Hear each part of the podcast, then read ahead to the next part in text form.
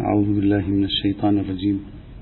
بسم الله الرحمن الرحيم. الحمد لله رب العالمين وصلى الله على سيدنا محمد وعلى آله الطيبين الطاهرين. كنا نتكلم في سرد مختصر للمسار التاريخي لنظرية المقاصد. وتكلمنا عن مرحلة يمكن أن تسمى مرحلة جنينية سوف نعلق على هذه المرحلة بعد قليل. ذكرنا لهذه المرحلة حتى الآن نموذجين للحكيم الترمذي في كتابيه إثبات العلل وعلل العبادات. وانتقلنا بعد ذلك إلى القفال الكبير الشاشي وكتابه محاسن الشريعة في فروع الشافعية. وكلا هذين الرجلين سبحان الله من من طرف الشرق من طرف أوزبكستان وتلك الديار. آه، ومع ذلك كتبا بهذا النوع من الكتابة المتميزة. وهذا يدل ويؤكد أن تلك البلدان التي تحولت الآن إلى بلدان ربما لا تكون فيها مدارس علمية كانت في يوم من الأيام من أعرق المدارس العلمية في العالم. على الإطلاق. منترفة نعم بخارى وسمرقند أوزبكستان وكازاخستان وكذلك يعني أفغانستان وغيرها كانت مليئة يعني في فترات طويلة ليس يعني في فترة محددة سبحان الله يعني في فترات طويلة من التاريخ الإسلامي. كانت تلك, تلك الديار عامرة بأكبر المدارس الإسلامية يعني في العالم الإسلامي كله رغم أنها بعيدة جغرافيا عن الوسط ورغم أنها بعيدة جغرافيا عن العاصمة سبحان الله. وقدمت هذه الديار قدمت خدمات جليلة يعني للمكتبة الإسلامية. مثل مثل شبه القارة الهندية آه، في بعض القرون مثلا على الأقل في مثلا القرن العاشر الحادي عشر الثاني عشر شبه القارة الهندية في هذه الفترة سنة وشيعة قدمت أعظم الكتب للمكتبة الإسلامية على يتحق. الشخصية الثالثة التي أيضا نختم بها هذه المرحلة لأننا سنذكر فقط يعني عينات الفيلسوف الإسلامي أبو الحسن محمد بن يوسف العامري المتوفى سنة 381 في الهجرة. هذا الفيلسوف الذي يوصف في بعض كتابات الباحثين في الفلسفة بأنه الفيلسوف المجهول. يعرف عادة في تاريخ الفلسفة بالفيلسوف المغبون الذي لم يعطى حقه. يعني لم يعطى حقه من المعرفة ومن الاهتمام رغم كتاباته القيمة في مجال نوع من الدراسات الفلسفية على الأقل. العامري يحسب على أنصار مدرسة الفيلسوف الكندي وحياته جاءت في الوسط ما بين الفارابي وابن سينا يعني عاش في الفترة الفاصلة ما بين الفارابي بعد الفارابي وقبل آه، ابن سينا. ولديه كتابات عديدة يمكن للإخوة أن يراجع. أبو الحسن العامري أو أبو الحسن العامري النيسابوري لأنه يوجد خلاف في أنه هل هو ولد في نيسابور أو لا يوجد كلام. ولكن يعرف بأبي الحسن العامري والأرجح أن يكون من مناطق يعني نيسابور أو توابعها الله أعلم. ما يهمنا من أبي الحسن العامري أن هذا الرجل من أو من القدماء المسلمين الذين كتبوا في مقارنة الأديان. من قدماء المسلمين والمشتغلين بالدراسات الفلسفية والكلامية الذين كتبوا في مقارنة الأديان. وله أكثر من كتاب في مقارنة الأديان بالمناسبة. يوجد كتاب هو الذي يعنينا هنا ويمس بحث المقاصد وهو كتابه الإعلام بمناقب الإسلام. الإعلام بالميم الإعلام بمناقب الإسلام. هذا الكتاب أجرى فيه أبو الحسن العامري مقارنات بين الإسلام وخمس أديان أخرى. بين الإسلام والمسيحية اليهودية الصابئة المجوسية والوثنية عقيدة الشرك. صار يذكر الإسلام ويحاول أن يبين محاسن الإسلام نسبة إلى هذه الأديان في منظومته العقائدية في منظومته الشرعية في منظومته الأخلاقية في منظومته الفكرية والثقافية حتى في منظومته الحضارية. لديه إشارات لطيفة جدا في هذا الكتاب. فيحاول أن يقارن بين الإسلام وبين هذه الديانات الخمس ومقارنة يعني لا بأس بها. في بحدود تلك المرحلة تحسب أنها لا بأس بها. ولا يدخل في جدل آه، ديني. يعني هو لا لا يحاول أن يدخل في الجدل بالمعنى الجدل الديني. أنت قلت في الإنجيل كذا وأنا قلت في القرآن كذا. لا لا لا أبدا. وإنما في الأعم الأغلب يرسم خارطة للأديان هذه ثم يفضل خارطة الإسلام على غيره يفضل آه، يعني النظام الإسلامي على غيره بنية الإسلام على غيره. بطريقة جميلة وبسيطة في الوقت عينه. تعرضوا فيها لكثير من القضايا حتى إلى القضايا السياسية والاقتصادية وما شابه ذلك. عندما يصل أبو الحسن العامري للمقارنة بين التشريعات الإسلامية وهذه الأديان الخمس هناك يبرز آه، العلل لأن الطبيعي الذي يريد أن يجري مقارنات بين الأديان ويستهدف من مقارنته تفضيل ديانة على ديانة فعليه أن يبرز نقاط القوة في هذه الديانة المفضلة على نقاط الضعف في تلك الديانات. هذا شيء طبيعي لأنه يريد أن ينتصر لديانته. فلذلك ماذا يفعل؟ يبين كيف أن هذا التشريع أفضل وهذا التشريع ليس, ليس موجودا عندكم وهذا التشريع أفضل بينما التشريع الذي عندكم أقل فضلا فيبين لماذا أفضل. وبالتالي يضطر أبو الحسن العامري لكي يجري مقارنات من خلال التعليلات. لماذا هذا التشريع في الإسلام؟ لماذا هو أفضل؟ هو يريد أن يشرح لماذا هذا التشريع أفضل. لماذا هذا التشريع أفضل من التشريعات الموجودة عندكم؟ فيضطر أن يدخل في شيء من التعليلات طبعا باختصارها. فيضطر أن يدخل في شيء من التعليلات وهذا ما يجعله يدخل دائما في موضوع علة الصلاة علة خمس خمس مرات في اليوم علة الحج علة الجهاد علة الأمر بالمعروف ويبدأ يعلل وبالتالي يقدم لنا من حيث لا يشعر هو يقدم لنا منظومة تعليلية مقاصدية بمعنى من المعاني لكثير من التشريعات الإسلامية التي استعرضها في هذا الكتاب. لكن من أهم الأشياء التي تثير في هذا الكتاب نص عبارة عن ثلاثة أسطر يعتبر شبيها بنصوص المقاصديين. شبيها بعض الشيء بنصوص المقاصديين ولذلك يثير عادة يعني لعاب المقاصديين إذا صح التعبير. في الفصل الرابع من فصول هذا الكتاب يستخدم جملة يقول وأما المزاجر أي النواهي الأمور التي تزجر الأمور التي تمنع الإنسان عن فعل أمر سيء. وأما المزاجر فمدارها أيضا عند ذوي الأديان الستة لن يكون إلا على أركان خمسة. يعني بناء الردع بناء نظام الردع في الأديان على أركان خمسة. وهي مزجرة قتل النفس. كيف يردع عن القتل عن قتل النفوس؟ يقول مزجرة قتل النفس كالقود والدية. يقول أنت بالقصاص بنظام الديات تزجر عن قتل النفوس. إذا إذا تتذكر الآن يقول بناء التشريعات آه، المزاجر في الأديان الستة قائم على خمس أركان. الركن الأول مزجرة, مزجرة قتل النفس. ما معنى ذلك؟ معنى ذلك أن الأديان أقامت نظام القصاص والديات لأجل حفظ النفوس. بشو بذكرك هذا الكلام؟ بذكرك بواحد من مقاصد الشريعة اللي هي عبارة عن النفوس حفظ النفوس. ومزجرة أخذ المال. الرادع عن أخذ الأموال ما هو؟ كالقطع والصلب. فأنت تصلب أو ليش, ليش يقول الصلب؟ لأن الصلب للمحارب والمحارب هو قطاع الطرق الذين يسرقون الناس وقوافلهم في الطرقات في الممرات في الممرات بين المدن. فلذلك يتكلم عن المال هنا لأنه يأخذ لمفهوم المحارب معنى ماليا وهو السرقة. يشهر السيف لكي يصادر أموال القوافل المنتقلة من منطقة إلى منطقة. يقول ومسجرة أخذ المال كالقطع والصلب. إذا نحن نعرف أيضا أن مدار مجموعة من التشريعات في الإسلام عند المقاصدين على حفظ المال. الآن هو يتكلم عن مدار مجموعة في التكاليف في الإسلام مدارها حفظ المال اللي عبارة عن الصلب عن القطع إلى آخره. كلها يجعلها في مدار واحد وهو مدار حفظ المال. ومزجرة هتك الستر كالجلد والرجم اللي هو الزنا والفواحش. ومزجرة سلب العرض وبعض المقاصديين يضيفون العرض أيضا. كالجلد مع التفسيق. ما المقصوده من الجلد مع التفسيق؟ سلب العرض يعني القذف. أنت تهين أعراض الآخرين. عقوبته في الإسلام الجلد والتفسيق. ولا تقبل لهم شهادة أبدا الذين يرمون المحصنات. ومزجرة خلع البيضة يعني الخروج من الإسلام كالقتل عند الردة أو عن الردة.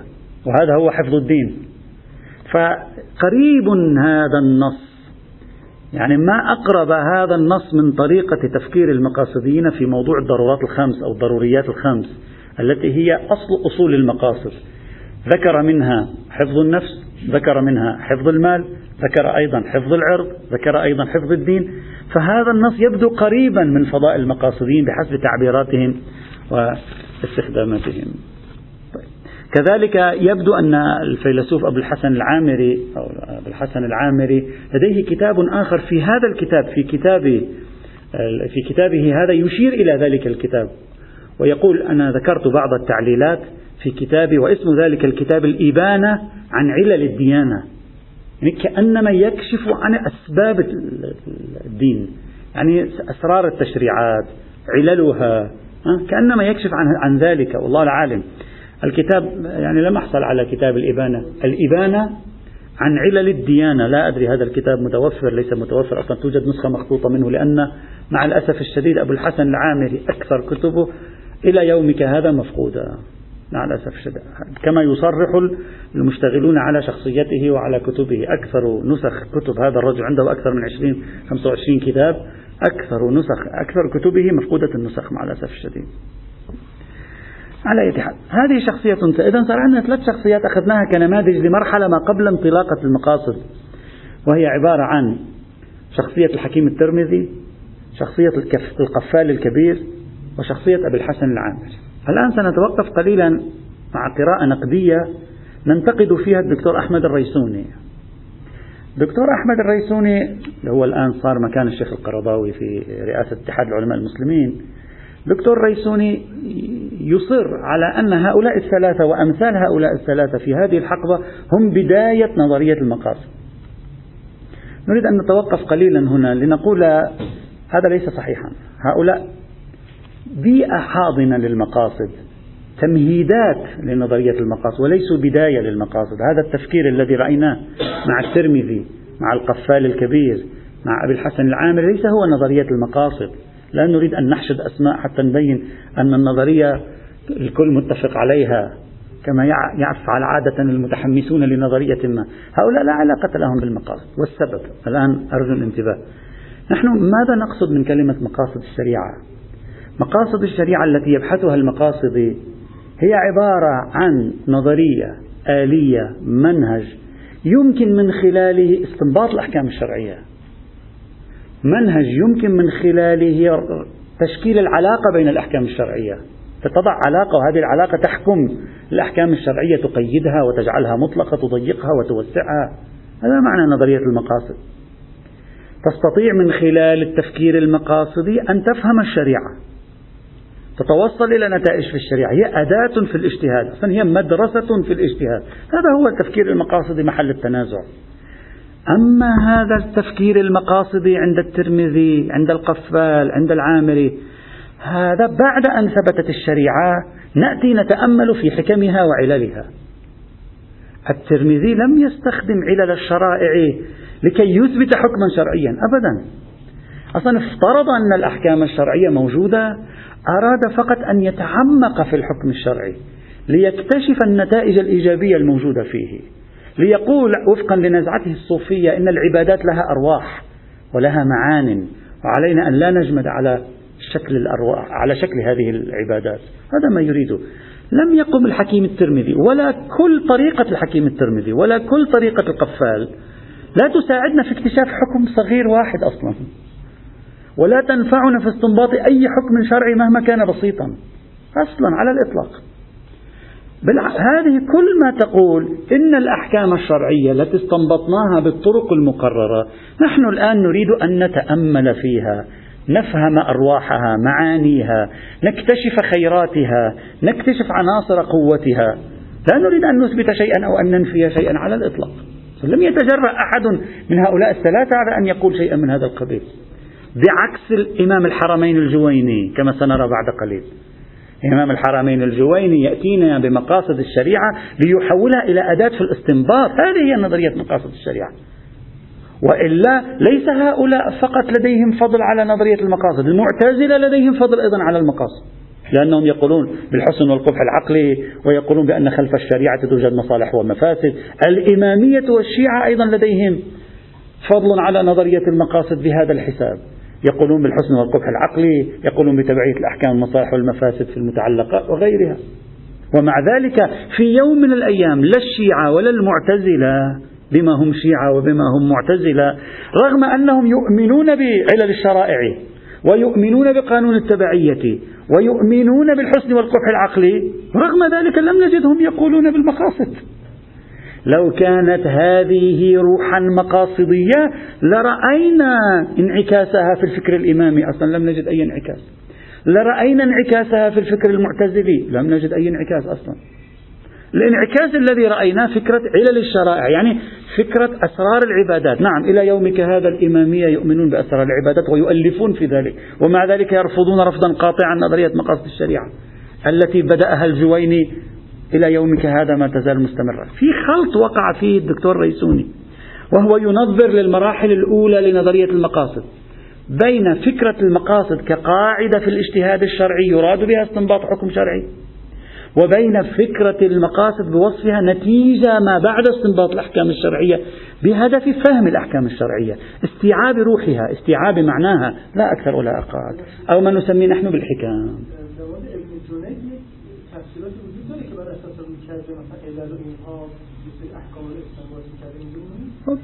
لا يعرف مذهب ابن الجنيد دقيقا ممكن أن يكون ابن الجنيد قائلا بالقياس على أبعد تقدير ممكن أن يكون قائلا بالقياس سيد السيستاني يميل إلى أن يجعله في الدائرة الشيعية تحت عنوان روح الشريعة وإلى آخره. تحليل لا يوجد عندي نص إطلاقا. وبالتالي ممكن ابن الجنيد حركيته هذه عدم جموده على النص إذا صح التعبير. بسبب أنه متأثر بنمط من القياس لكن ليس كل قياس مقاصد الشريعة. الآن سنرى. القياس موجود من القرن الثاني الهجري عند السنة ولم تكن فكرة مقاصد الشريعة موجودة إطلاقا. من الذي أضاف على القياس فكرة مقاصد الشريعة؟ إمام الحرمين الجويني. هو الذي أضاف فكرة المقاصد على القياس. لا يوجد مساواة بين القياس والمقاصد. الآن سنشرح هذه الفكرة. ممكن يكون ابن الجنيد لديه نزعة مقاصدية. ممكن. أما حتى لو لديه نزعة أي مقاصدية هي؟ هم لا ندري لا نعرف. طبيعتها غير واضحة. تحليل. نعم. نعم. سنة لديهم هذا القرايش عقلي ولكن ليس كلهم يقولون بنظرية المقاصد.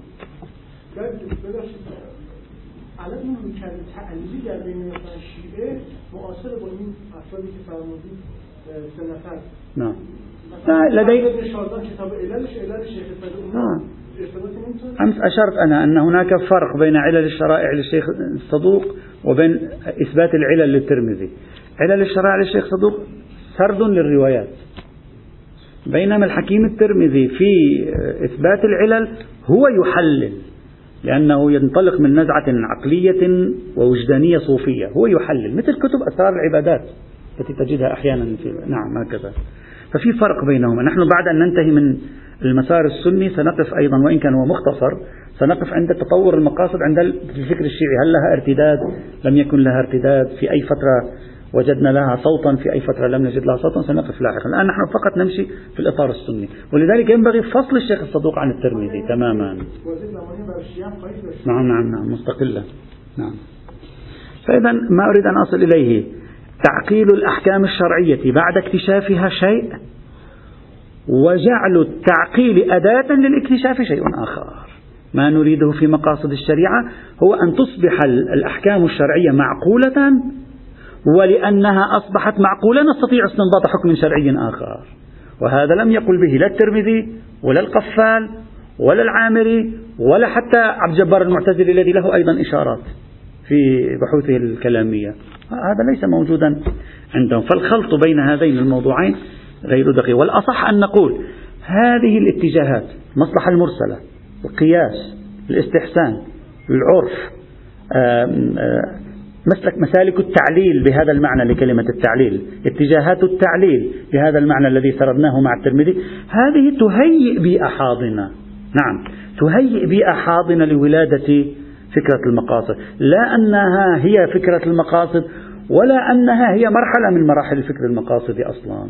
فما ذكره الريسوني وأمثال الريسوني معتبرين هؤلاء من أنصار الفكر المقاصدي فيه ضرب من المبالغة. أول شخص بحسب ما وصلنا وما اطلعنا عليه تكلم بصراحة في فكر المقاصد هو إمام الحرمين أبو المعالي الجويني.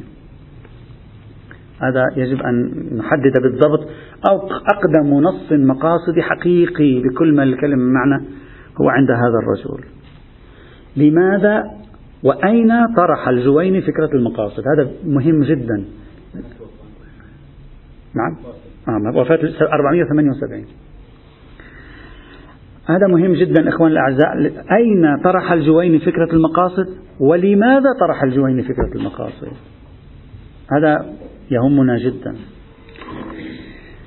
في بحث القياس عند أهل السنة الانتقال من الأصل إلى الفرع توجد فيه اتجاهات. كيف أنتقل من الأصل إلى الفرع؟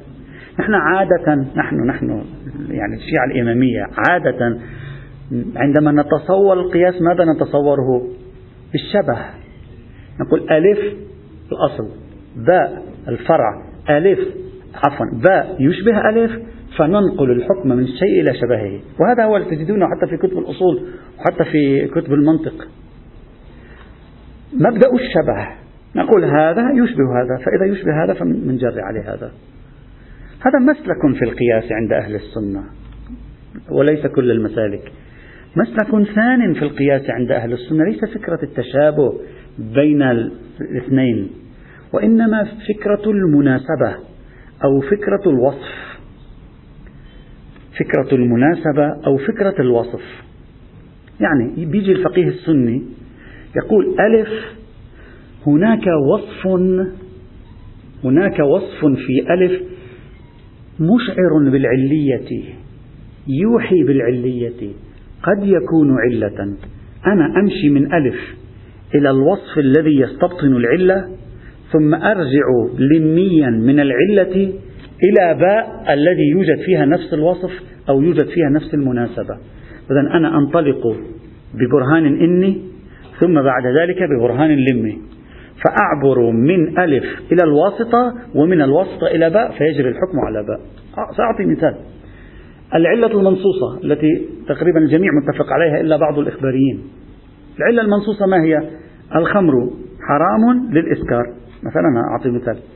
ننتقل من الخمر ببركة هذا النص ننتقل من الخمر إلى الوصف اللي هو الإسكار ثم ننتقل ببركة هذا التعليل لأن هذا الوصف وصف تعليلي ننتقل من الإسكار إلى النبيذ اللي هو غير الخمر النبيذ المحرم.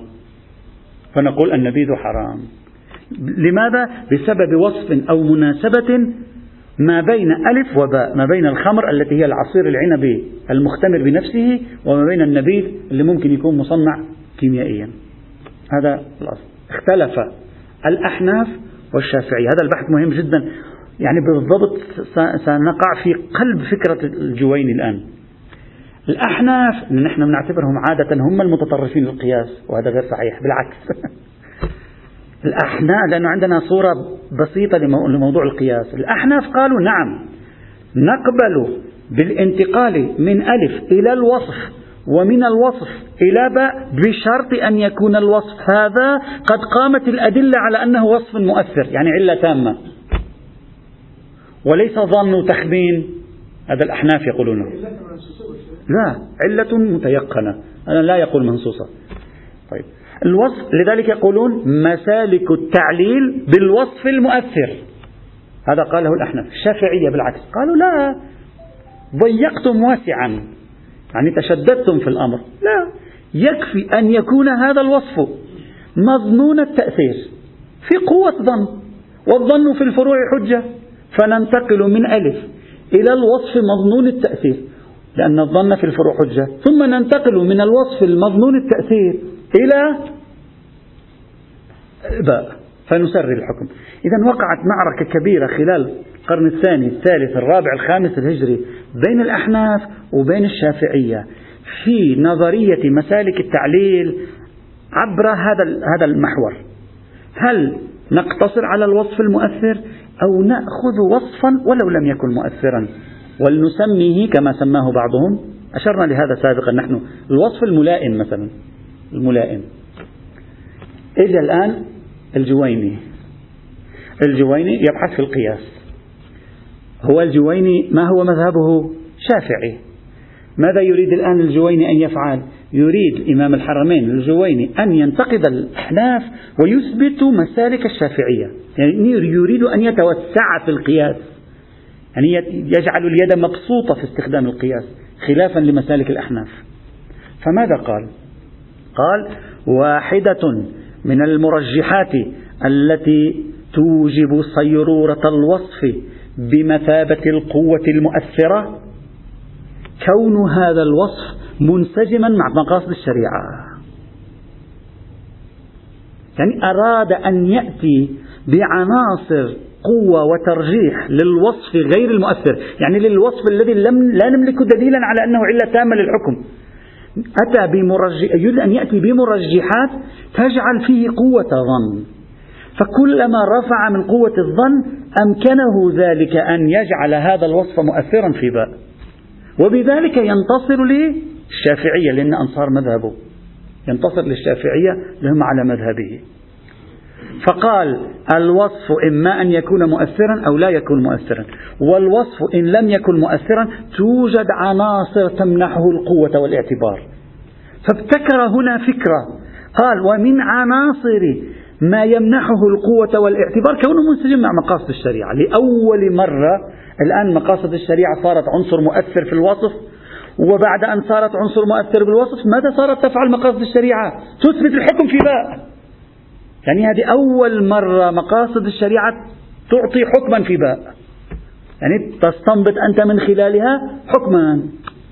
لذلك يمكن أن نصنف أبو المعالي أو أبا المعالي الجويني على أنه أول شخص في حدود ما وصلنا ابتكر فكرة مقاصد الشريعة بوصفها أداة يستخدمها الفقيه لتوسعة يده في القياس لكي يثبت بها أحكاما شرعية انتصارا لمسلكه الشافعي. هذه هي مخاضات ولادة فكرة مقاصد الشريعة تاريخيا عند الجويني. هذا الآن وهذا بالنسبة إلينا نقطة مهمة جدا.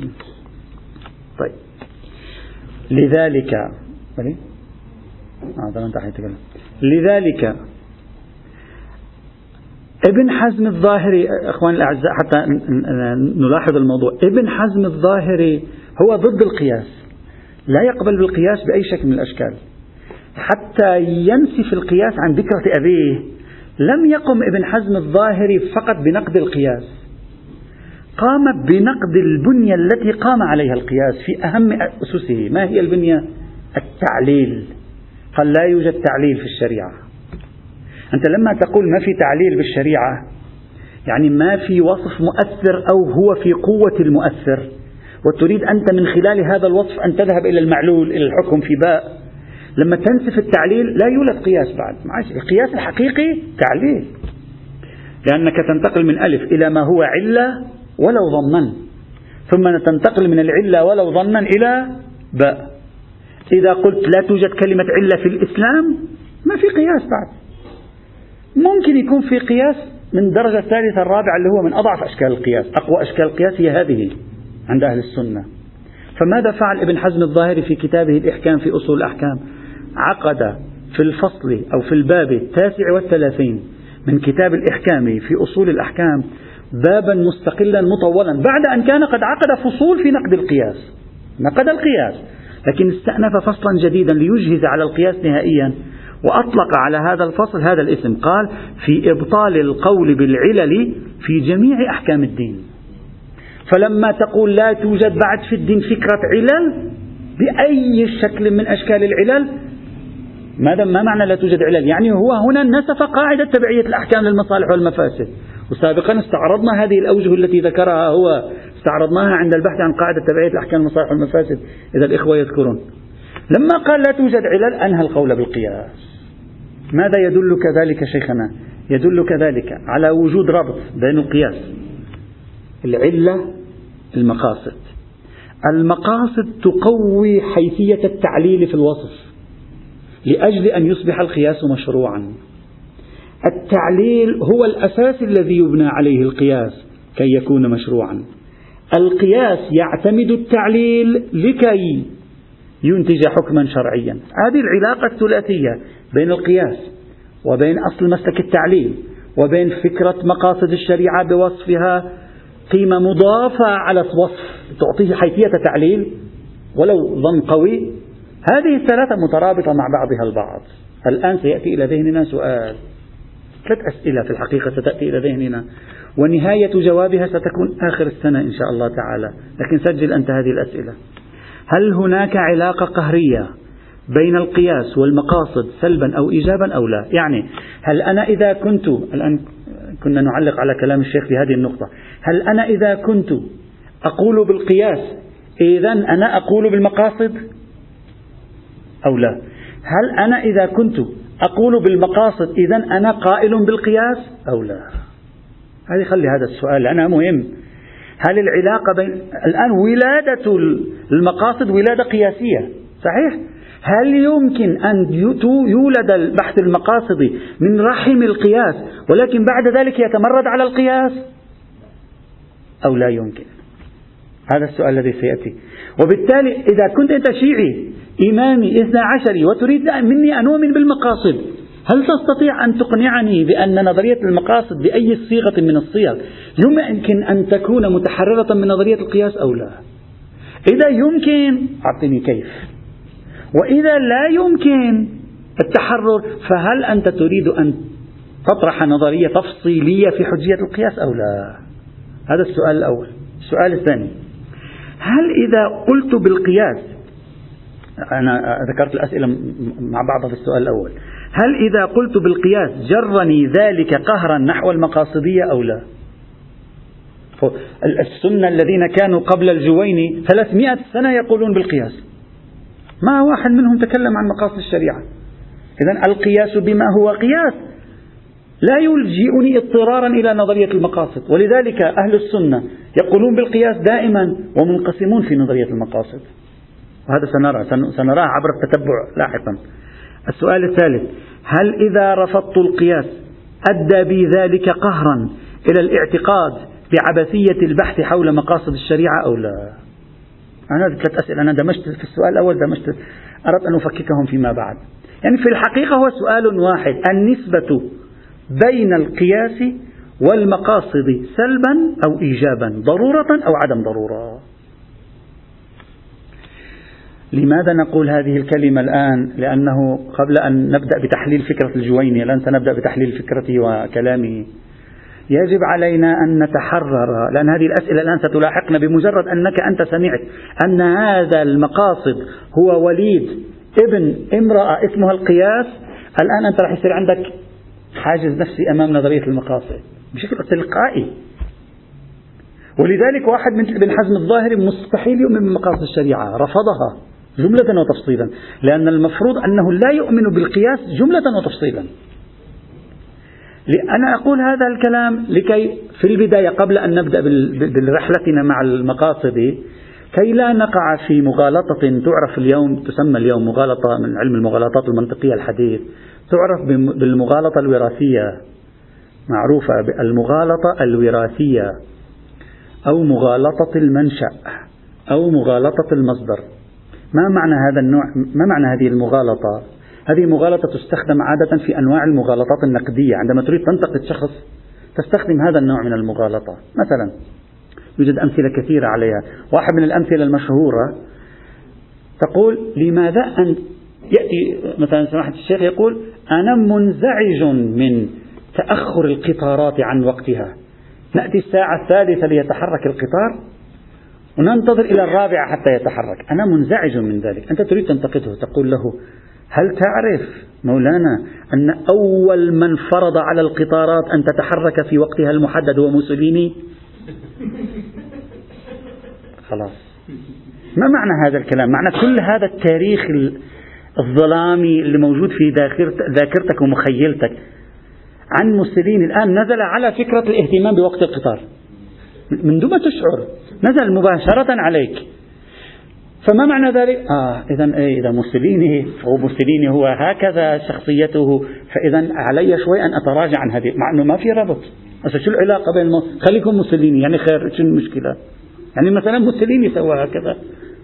وين المشكلة؟ هذه كثير ما نستخدمها نحن. نحن الآن نتبسم. لكن مثلا شخص في الحوزة العلمية في قوم في النجف يطرح مثلا نظرية معينة حجية القياس في مجال ما. ماذا يشكلون عليه؟ هذه نظرية سنية. قد تكون نظرية سنية. خير إن شاء الله. هو ماذا معنى كلمة نظرية سنية؟ معنى أن كل هذه الصورة السلبية في مخيلة الشيعي عن التسنن الآن ستلقى على نظرية هذا المسكين الذي يطرحها مع أدلتها. وبالتالي لن يكون هناك وقت يسعف أحدا يقرأ الأدلة. خلاص انتهت. طبعا أنا أقول لكم هذا أنا صار معي هذا كثيرا يراسلونني. يقول ما الفرق بين فكرتك هذه وفكرة أهل السنة في الموضوع الفلاني؟ هذا صارت معي شخصيا. وفي الحقيقة هو هو المسكين خضع للمصادرة المغالطة الوراثية. يعني هو الآن شعر بأن هذه الفكرة ولو كانت صحيحة لكن منشأها ممكن يكون في مكان آخر والمكان الآخر خبيث في ذاته. فلا بد أن يلحق الخبث. لا مثلا أنا أشرت إلى هذه في مناسبة. التفكيكيون مثلا بعض التفكيكيين الآن في, في, في إيران عندما ينتقدون الفلسفة أو العرفان ماذا يقول؟ الفلسفة أصلها يوناني واليونانيون مشركون ويبحثون يكتبون مقالات مستقلة في إثبات أن أفلاطون كان مشرك. أخي مشرك أنا ما لي علاقة بشركه. أنا أبحث في نظرية المثل الأفلاطونية ما علاقة بالشرك. وإذا فيها دليل قد تكون صحيحة. أو مثلا تقول هذه الفكرة؟ هذه يقول بها الليبراليون. أخو خلي يقول بها الليبراليون. يعني وإذا كان قال بها الليبراليون. أنا أنظر في أدلتي. إذا أدلتي صحيحة فقل للليبراليين أهلا وسهلا. إذا أدلتي باطلة فقل لهم الله معكم. هذه فكرة المغالطة الوراثية مأساة نعيشها دائما كل الناس تعيشها من حيث لا تشعر. بمجرد أن لماذا أنا تعرضت لهذه الفكرة الآن؟ لأننا بمجرد أن نتصور أن أول ما طل علينا المقاصد أول ما خرج من بطن أمه اكتشفنا أنه خرج من عند القياس. آه سنشعر بثقل كبير الآن. يعني هذا بالحقيقة سيلاحقنا سيلاحق القائلين بعدم حجية القياس بمنبوذية القياس. وبالتالي علينا أن نتحرر الآن. نترك الموضوع. افرض أنه ولد من رحم القياس لكن نريد أن نفكر في الفكرة بحد نفسها لنرى هل ممكن أن تكون صحيحة أو ليست صحيحة. حتى لا نقع ضحايا المغالطة. الوراثية في هذا المجال. هذه المغالطة الوراثية كثير ما استخدمها أيضا إخباريون بالمناسبة. يقول آه، علم الحديث سني علم الرجال سني. هذه الفكرة التي قالها العلامة الحلي قالها السنة من قبل. الشيخ الطوسي أخذ الفقه التفريعي من من كتاب المبسوط للسرخسي وهو سني. يا أخي خليكم أخذه من المبسوط للسرخسي شو المشكلة يعني. وأخذه وأجاب أدلة الرجل يعني خير إن شاء الله يعني. هذه الفكرة تلاحقنا من حيث لا نشعر وبالتالي يجب أن نتحرر منها هنا وعلى أي حال. الجويني مؤسس فكرة المقاصد لأول مرة بحسب ما وصلنا في تاريخ الفقه الإسلامي. أين بحثها؟ أين يعني استقربها؟ في باب تحت عنوان في تقاسيم العلل والأصول. في أي كتاب؟ عنده كتاب الجويني من مجلدين اسمه البرهان في أصول الفقه. هناك تجد البذور الأولى لفكرة المقاصد. البرهان في أصول الفقه. نعم الغزالي تلميذه. الآن سنرى كيف أن الجويني ترك أثر في الغزالي. سنأتي بعد الجويني على الغزالي. سنرى كيف الغزالي طور فكرة المقاصد بعد الجويني. لا لا أبو حامد نتكلم. ذاك أخوه لا لا لا لا, لا, لا ربط له. في باب اسمه في تقاسيم العلل والأصول بدأ الجويني بطرح فكرته. قال وهذا الذي ذكره هؤلاء يشير إلى بحث في القياس من قبل أصول الشريعة. ونحن نقسمه خمسة أقسام. الآن بدأت تظهر تقسيمات المقاصد. أحدها القسم الأول من المقاصد ما يعقل معناه وهو أصل يعني ما يمكن أن يعقله الإنسان ليس فوق أن يعقل يمكن دركه للإنسان وهو أصل. ويؤول المعنى المعقول منه يعني عندما نتأمل في هذا المعنى الذي عقلناه منه يؤول إلى أمر ضروري لا بد منه. يعني يرجع إلى أمر ضروري لا بد منه. الآن سيذكر الأمثلة. إلى أن يقول وهذا يعطي مثال بمنزلة قضاء الشرع يعني حكم الشرع بوجوب القصاص في أوانه. لماذا الشريعة قالت يجب إقامة القصاص. يقول فهو معلل يعني علة هذا التشريع تشريع القصاص بتحقق العصمة في الدماء المحقونة والزجر عن التهجم عليها. يعني علة باب القصاص تحقق حفظ النفوس المحقونة المحترمة. طيب فإذا وضح للناظر المستنبط ذلك في أصل القصاص تصرف فيه. ما معنى؟ هذه هي المقاصد الآن.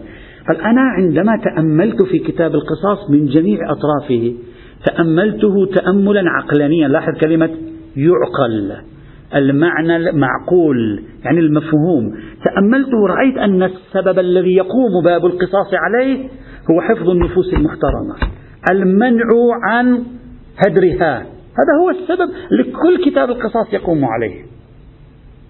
إذا أدركت هذا السبب الذي تنبني عليه عشرات الأحكام الإلزامية في باب القصاص ماذا أقول؟ أقول هذا السبب أصل نستطيع بهذا السبب أن نذهب إلى مكان آخر. نستطيع هذا هو الأصل الأصل المقاصدي نستطيع بهذا السبب أن نذهب إلى مكان آخر. هذا الأصل من أي نوع من الأصول المقاصدية؟ من النوع الأول وهو الضروريات التي لا يمكن بقاء الحياة بدونها. يعني أمر لا يمكن التنازل عنه بشكل من الأشكال. إذا هذه أول مرة يأتي فقيه يحدد لنا المقاصد ويستخدمها في التصرف. لاحظ كلمة التصرف. يستخدمها في التصرف ويذكر أول نوع من أنواع المقاصد يصرح به وهو الضروريات. لاحظ ماذا يقول؟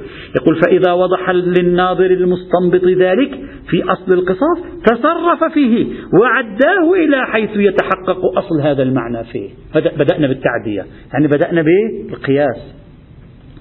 وهو الذي يسهل تعليل أصله ويلتحق به تصحيح البيع. يعطي مثال ثاني. يقول البيع أيضا من ذلك. فإن الناس لو لم يتبادلوا ما بأيديهم لجر ذلك ضرورة ظاهرة. فمستند البيع إذا آيل إلى الضرورة الراجعة إلى النوع والجملة. بدون البيع لا تقوم الحياة. كيف نتبادل؟ لا تقوم الحياة. ثم قد تمهد في الشريعة أن الأصول إذا ثبتت قواعدها فلا نظر إلى طلب تحقيق معناها في أحد النوع. الآن ماذا قال؟ الآن الجويني حقق لنا القسم الأول من أقسام مقاصد الشريعة وهو الضرورات. التي لا تقوم الحياة من دونها. وأصل أن الضرورات نستنبطها من كتاب البيع نستنبطها من كتاب القصاص نحققها نعقلها ثم نتصرف فيها نذهب بها لنثبت فيها شيئا آخر في مكان آخر.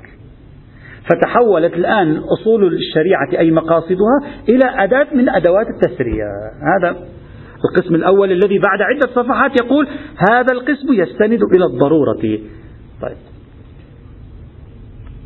بعدين صار المقاصدين يسموه الضروريات وبعدين جعلوا خمسة أقسام متفق عليها حفظ النفس حفظ العقل حفظ المال حفظ الدين وهذه المقاصد الموجودة فيما بعد. هذا القسم الأول وهو الضروريات. يأتي تكملة تحليل كلامه إن شاء الله والحمد لله رب العالمين. اللهم صل على محمد.